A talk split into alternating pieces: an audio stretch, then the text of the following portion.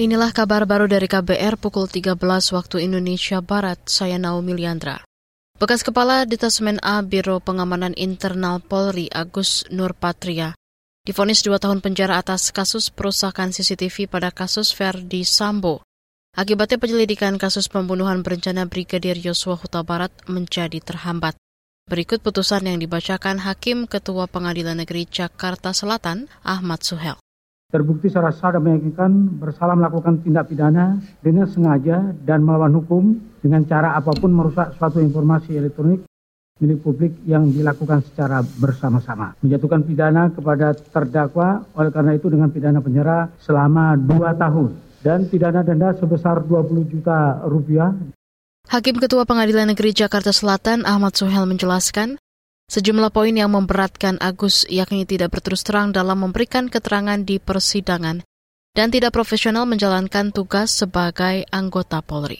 Masih soal hukum, bekas Kapolres Bukit Tinggi Sumatera Barat Dodi Prawira Negara hari ini menjadi saksi untuk terdakwa bekas Kapolda Sumatera Barat Teddy Minahasa dalam dugaan kasus narkoba. Dalam sidang di Pengadilan Negeri Jakarta Barat, Dodi mengaku hanya dua orang yang tahu tentang perintah Teddy kepadanya untuk mengganti barang bukti sabu dengan tawas.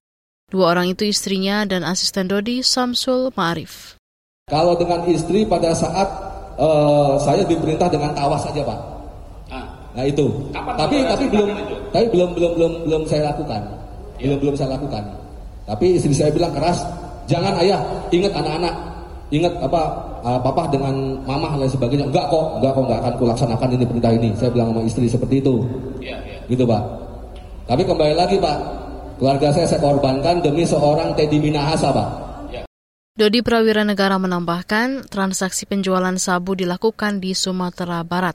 Transaksi melibatkan Linda Pujastuti alias Anita, yang diduga sebagai pembeli dan atasannya yakni Teddy Minahasa. Saudara, peristiwa itu terjadi pada 14 Mei tahun lalu. Dodi yang menjabat Kapolres melaporkan ke Kapolda Sumatera Barat Teddy Minahasa tentang pengungkapan narkoba dan penyitaan barang bukti sabu 41 kg. Teddy justru memerintahkan Dodi menukar sabu 10 kg dengan tawas. Kita ke Papua. Dua oknum personil Brimob Polda Papua diduga menganiaya seorang warga bernama Lamek Wayoken. Korban berusia 45 tahun warga Kampung Mam, Distrik Nguti, Merauke. Peristiwanya terjadi 4 Februari lalu saat Lamek Nausani menghendak melerai dua warga yang mabuk dan berkelahi di pasar. Berikut keterangan Komandan Batalion D Pelopor Brimob Merauke, Suparmin, kemarin.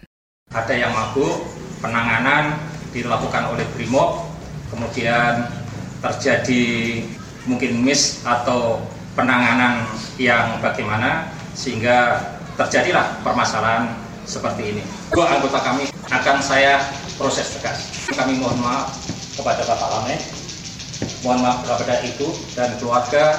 Kami akan fasilitasi untuk berubah. Suparmin menduga peristiwa itu dilatari kesalahpahaman. Ia mengklaim dua personil BRIMOB menyangka Lamek terlibat mabuk-mabukan dan perkelahian di pasar. Kini kedua pelaku sudah ditahan untuk pemeriksaan lebih lanjut, sedangkan korban masih dirawat akibat luka penganiayaan. Demikian kabar baru saya Naomi Liandra.